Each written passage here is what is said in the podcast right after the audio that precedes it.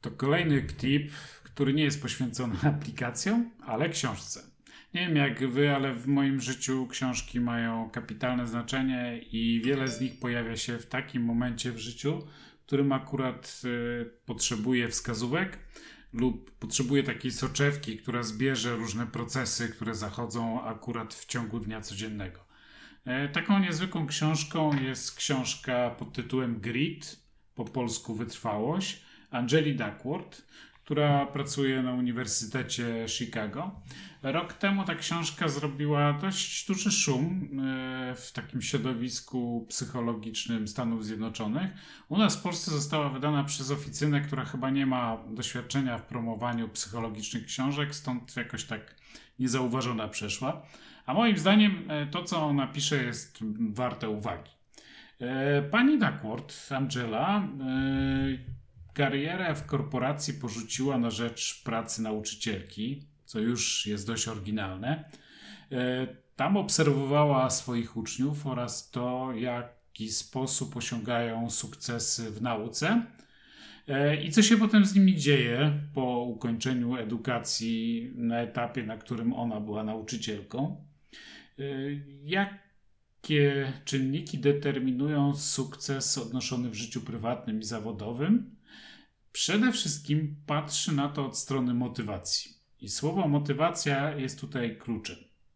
E, karierę nauczycielki, matematyki bodajże, o ile dobrze pamiętam, porzuciła na rzecz e, kariery badacza naukowego i pracuje na Uniwersytecie Chicago bodajże. Ale też zaczęła badać studentów e, takich uczelni, na przykład jak Wojskowa Uczelnia West Point, czy e, pracowników prywatnych firm. Wiele lat prowadzi te badania.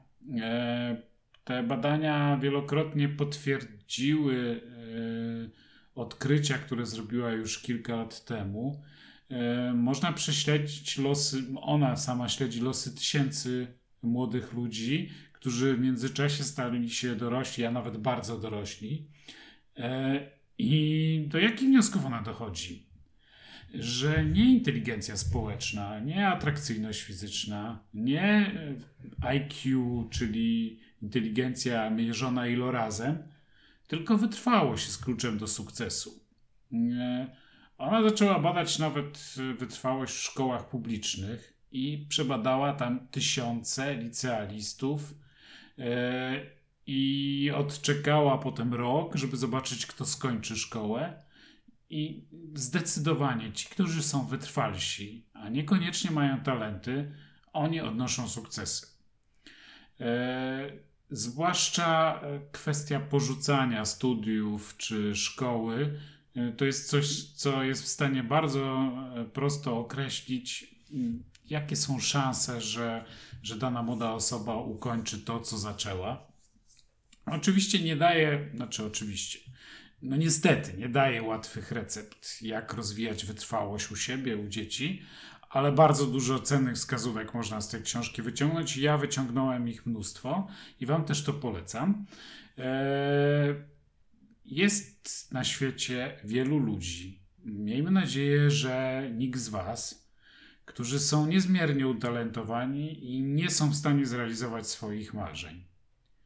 E, według niej wytrwałość jest niezwiązana, a nawet stawia tezę, że jest odwrotnie proporcjonalna do posiadanego talentu.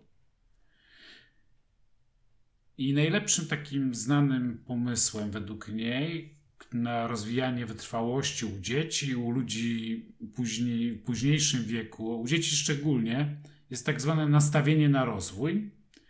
E, I to jest pomysł, który już wcześniej e, pani Carol Dweck z Uniwersytetu Stanforda e, podawała i bardzo, bardzo polecam rozwinięcie tych tez, rozwinięcie tej książki.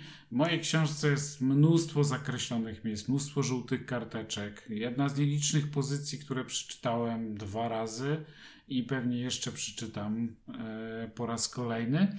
Bardzo Was namawiam.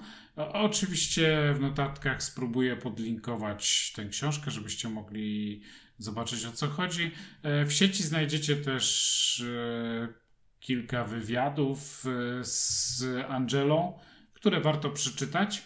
E, Serdecznie polecam książkę. Jest również wydana w formie dźwiękowej, więc nawet jeśli ktoś nie, nie lubi czy nie ma czasu czytania papierowych książek czy e-booków, y, to można w innej wersji.